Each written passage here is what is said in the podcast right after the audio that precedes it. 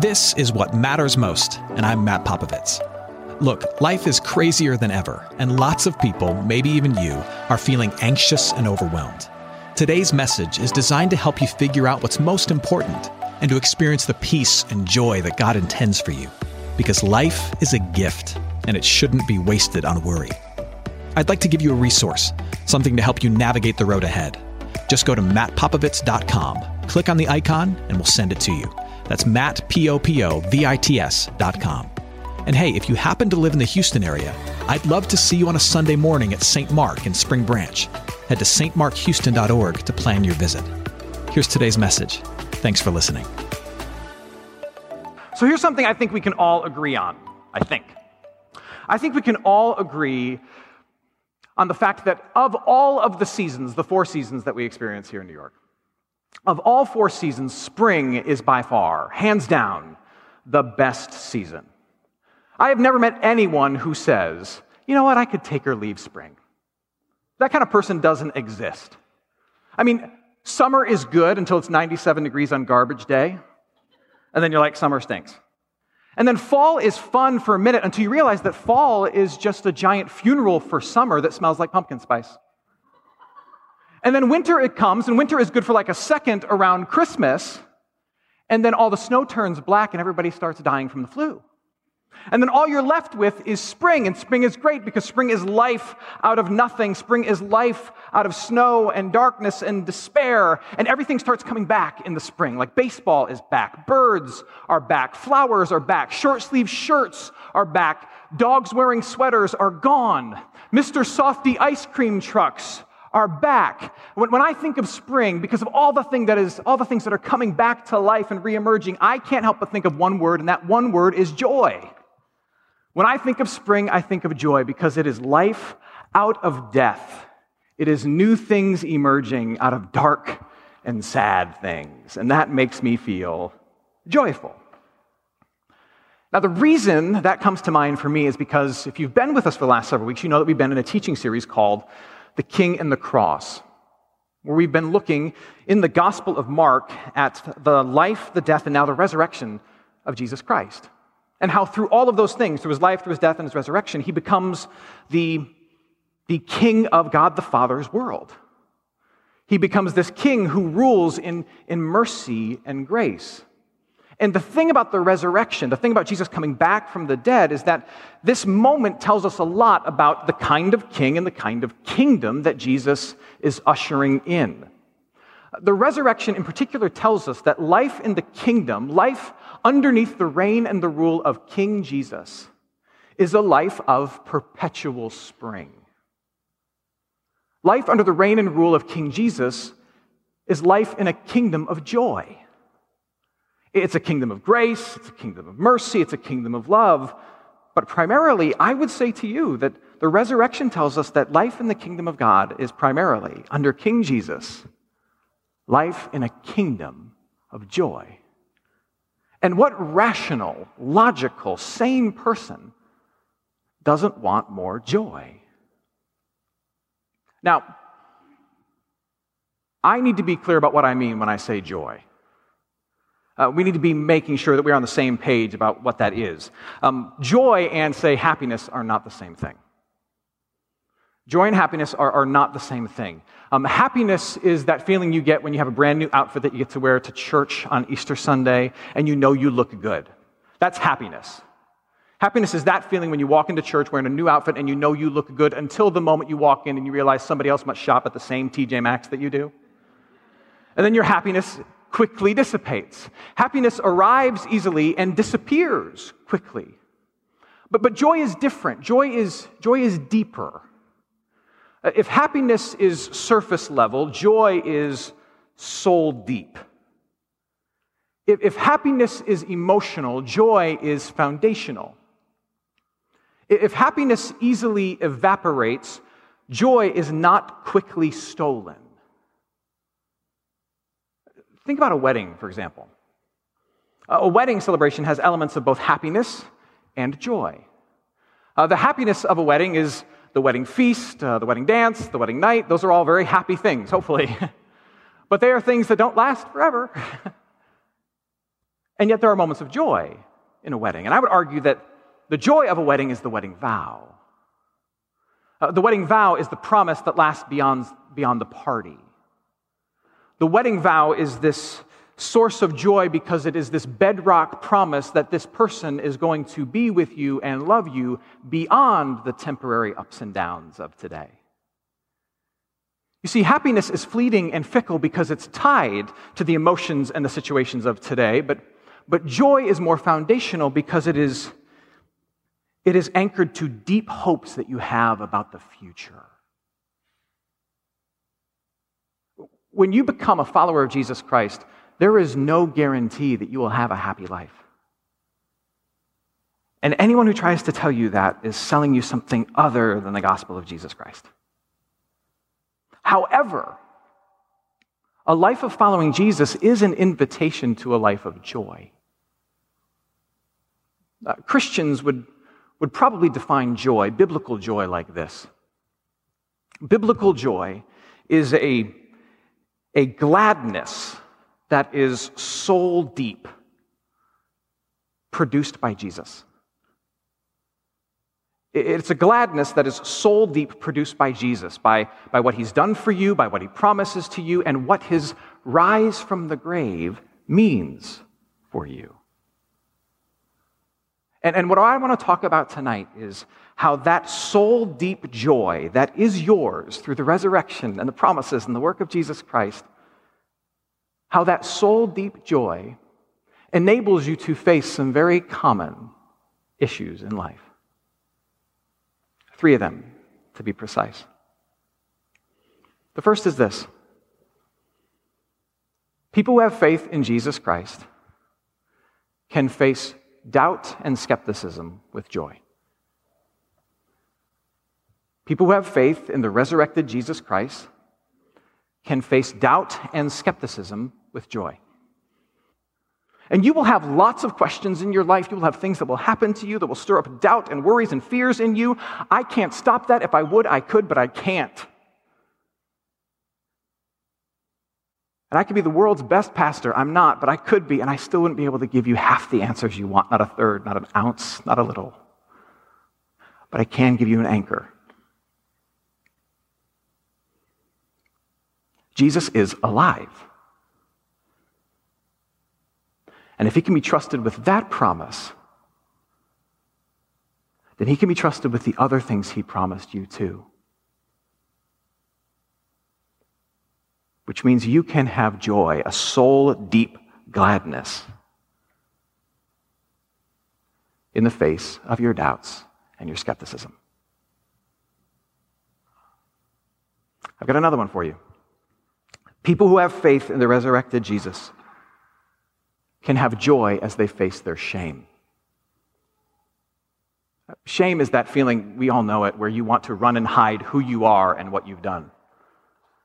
It usually comes after some kind of epic failure where you have violated your own conscience or you have offended people that you love, you've failed to love them or to serve them, or, or perhaps you know that there's a creator above you and you have failed to be some kind of faithful creation to this creator. And so shame ensues and you try to hide who you are and what you've done.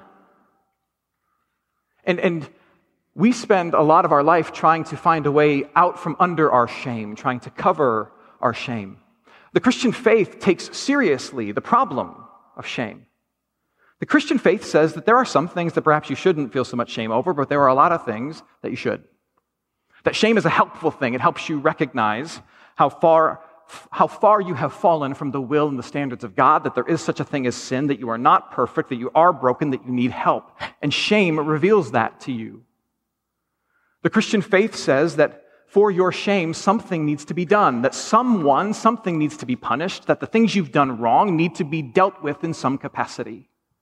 In order for there to be justice in this world, the things you've done wrong need to be dealt with. And what Christians believe is that 2,000 years ago, on Good Friday, Jesus took the punishment for all the shameful things. That Jesus was dealt with for your stuff instead of us being dealt with for our stuff.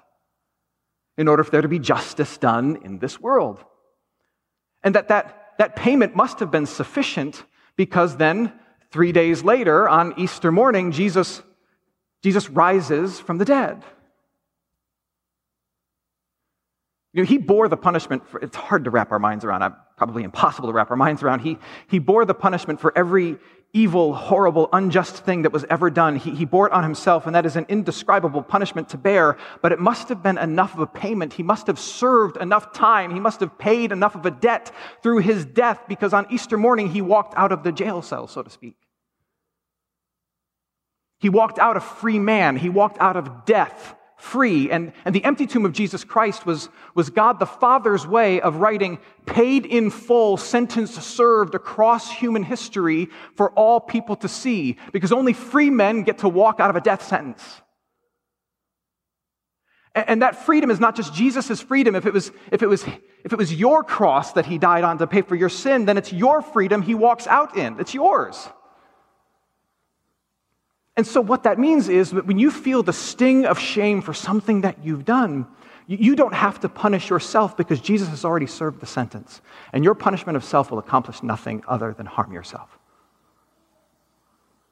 What that means is that when you feel the sting of shame, you do not have to run, for example, from this place or from God's people, thinking that, that we are going to somehow rub your nose in the bad thing that you've done. If it's a place that believes the gospel and teaches the gospel, what they will say is that Jesus was punished for you and Jesus served your time. He did your punishment. He walked out of your jail cell, and his freedom is your freedom. What that means is that when you feel the sting of shame, you do not have to run away from God, but in fact, you can run toward God. You can confess it, you can admit it, but also you can give thanks for the fact that there is forgiveness from it and freedom from it from what Jesus Christ has done in rising out of the grave. For people who believe in a resurrected Jesus, there is joy in the face of shame. Because Jesus has served the sentence and it's done. Easter is on its way, and you need a place to worship. Hey, friends, it's me, Matt. And if you're in the Houston area, I invite you to celebrate Easter with me at St. Mark Houston in Spring Branch. For more information, head to stmarkhouston.com. If you're not in Houston, no problem. We're preparing an online experience that you can enjoy from anywhere in the world. Just bookmark EasterforHouston.com and you can join us live on Easter from wherever you are. The resurrection of Jesus is the most important event in history, and we'd love for you to celebrate with us. And now, back to today's message. I've got another one for you. For people who believe in the resurrection of Jesus Christ and a resurrected King of the world, there can be joy in the face of suffering. And this is a hard one to believe, but, but it's a very important one. Here's why it's so important suffering comes in a thousand forms. And there is not a single person in this room, in this city, in this world who has not experienced it in some way, shape, or form. It comes in the form of a loved one who was supposed to live a lot longer but left too soon. It comes in the form of a career that crash lands, or money that was supposed to be your savings, your retirement, your brand new apartment, and it's gone. It comes in the form of a relationship you thought was going to work out, but then they walked out. It comes in the form of a son or a daughter who can't get their act together, or a mother or a father who acts like a son or a daughter. It comes in the form of a chronic illness, a pain that is debilitating, that won't go away, an anxiety that is crippling. And you and I, we spend a lot of time and energy in our life. Maybe we don't really realize it. We spend a lot of time and our energy in our life trying to avoid the inevitable suffering. We are all afraid that this is the only opportunity, the only chance that we get. We say, This is the only body that I'm going to have, so I, I can't suffer in it. It would waste it. These are the only relationships that I'm ever going to get. This is the one shot at these people that I'm ever going to have, and I don't, I don't want to suffer. I don't want to waste it. This is all the money I'm ever going to have, and I don't want to waste it. I don't want to suffer. Uh, this is the only chance to climb the ladder to prove myself that I'm ever going to have, and I don't want to waste it. I don't want to suffer. But what if that's not true? Just think about that for a second. What if this is not all that there is. Wouldn't that change how you approach not just life, but in particular, how you see suffering and pain and problems? Of course it would. One of the greatest pro- promises that Jesus made is found in John chapter 11. I think it's verse 25. I've got it here. I'm going to read this to you. You probably know these words by heart, some of you already. John 11, starting at verse 25, Jesus says, I am the resurrection and the life. Whoever believes in me, though he die, yet shall he live. And everyone who lives and believes in me shall never die. And then he looks at the two people he's talking to in this particular moment. He says, Do you believe this? Jesus says, Because of me, if you die, you actually live. And if you live, you never really die, even if you do. Jesus, after he rose from the grave, before he ascended physically into heaven, he spent several weeks walking the earth, being seen by people. Uh, there's eyewitness testimony recorded in history of people who saw the resurrected Jesus. And it's not because they were simpletons. These are people who took their history seriously. Our standards for historical record come from the ancients in the first and second century, by the way. So don't just write these people off. These are people who claim to see the resurrected Jesus. Jesus walked the earth for several weeks teaching and talking about the implications of his resurrection. One of the things he said as he was walking and talking is that he pointed people back to promises that he made before he died on the cross. And in particular, the promise that said not just that that, that he would die and he would rise, but that other people would rise someday too. And that one day after he ascended into heaven, he would come back and he would raise all of us from the dead and he would actually recreate this world and he would remake everything, which is a crazy thing for us to wrap our mind around. But the guy rose from the dead. Let's cut him some slack and maybe believe him. That he would come back and he would raise everybody from the dead and he would recreate all things. And that he would create a world where, as C.S. Lewis says, every bad thing is untrue. Where all the things that cause us to fear and to worry and that we want to avoid in this life are pushed to the edges and they fall out into the abyss and they no longer exist. And the fact in fact, God Himself, who seems so far away, is closer than ever before. And it's a world where every tear is wiped from our eye and it's perfection and it's resurrected. It's, it's flesh and blood and it's real and it's recreated and it is incredible. And Jesus says that day is coming. Now, if that is really the case, then what that does is it puts a ceiling on your suffering and it makes you brave. If this life is not all there is, then, then what choice should you make when it comes time to do the right thing, even though it's a dangerous thing? If this life is not all that there is, then, then when you have a choice between being comfortable and, and speaking up for somebody who can't speak and fight for themselves and working a bit of justice in this world, what do you choose? If this life is not all that there is, when you have a choice between doing what you've always done or, or doing what you know to be faithful, what do you do? Even if, even if doing the right thing, the faithful thing, the loving thing means pain and suffering for you, even if it means death for you, you can do it. Why? Because all of that pain and struggle and suffering will be washed away in the world to come. It makes you brave. Not only that, it puts a ceiling on your suffering and how much power it can have over you. I know this is hard for you to grasp. It's hard for me to believe. But, but there will come a day in the resurrected and recreated world where even your worst pain and your greatest tragedy, think for a second about what up to this point in your life your greatest pain and tragedy has been. Where even your greatest pain and your worst tragedy that you've experienced will be a cause for even greater praise. And I know that that is such a hard thing to believe. But, but think about a road trip. You ever been on like a really long road trip? Not just talking like hours in the car, but like days in the car. And it's a road trip where stuff happens. Like, like you get a flat tire, the car breaks down at one point, the dog throws up in the back, the kid's throwing a tantrum, and about 10 hours into the road trip, you're like, this has got to end. This is horrible. But then a funny thing happens. You arrive.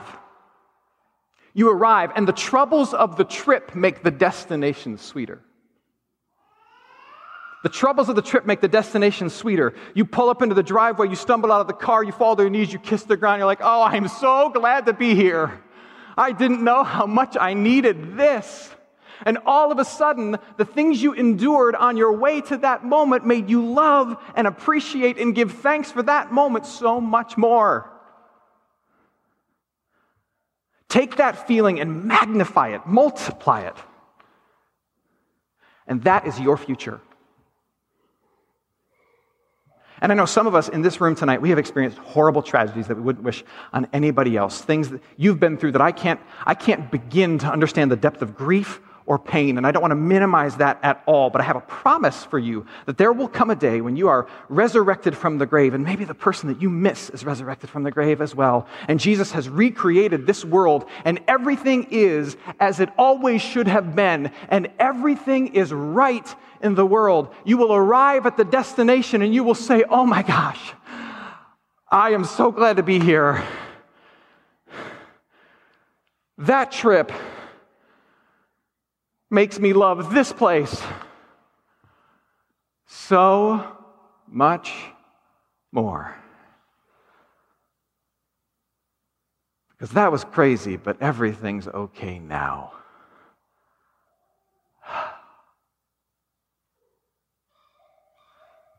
That, my friends, is how you have su- joy in the face of suffering. I, I want to close by, by showing you a picture I took of my phone yesterday, if that's okay. I promise it won't be like 15 minutes of pictures of my kids. Uh, this is a picture I took with my phone yesterday. It's of a, of a tulip that is kind of sprouted through in, in front of our house. Uh, we, we don't have tulips planted at our house, but God, in His just divine humor and, and wisdom, decided that, uh, that we needed a tulip, one tulip, in our front yard.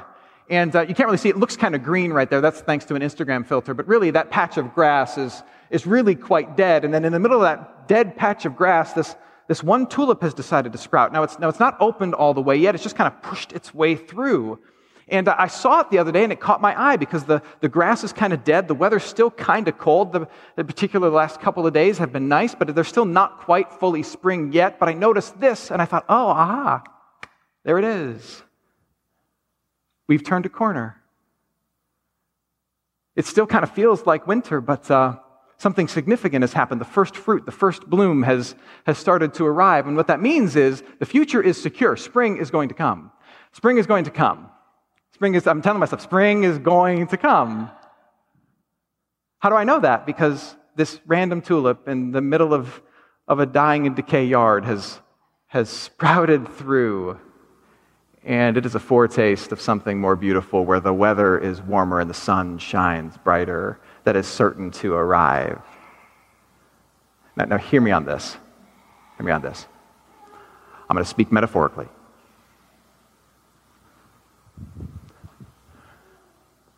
That is not a tulip. That is Jesus.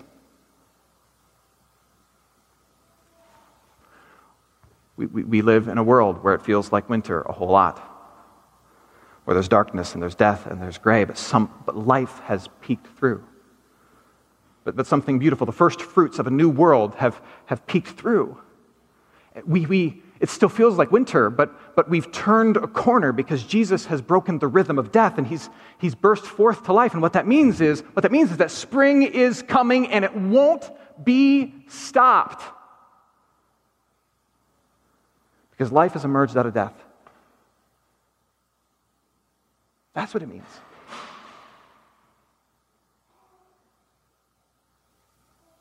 And what it means is that you can start banking on the promises of the future today. You can start banking on the fact that there is forgiveness for you. You can start banking on the fact that there is more to this world than this life.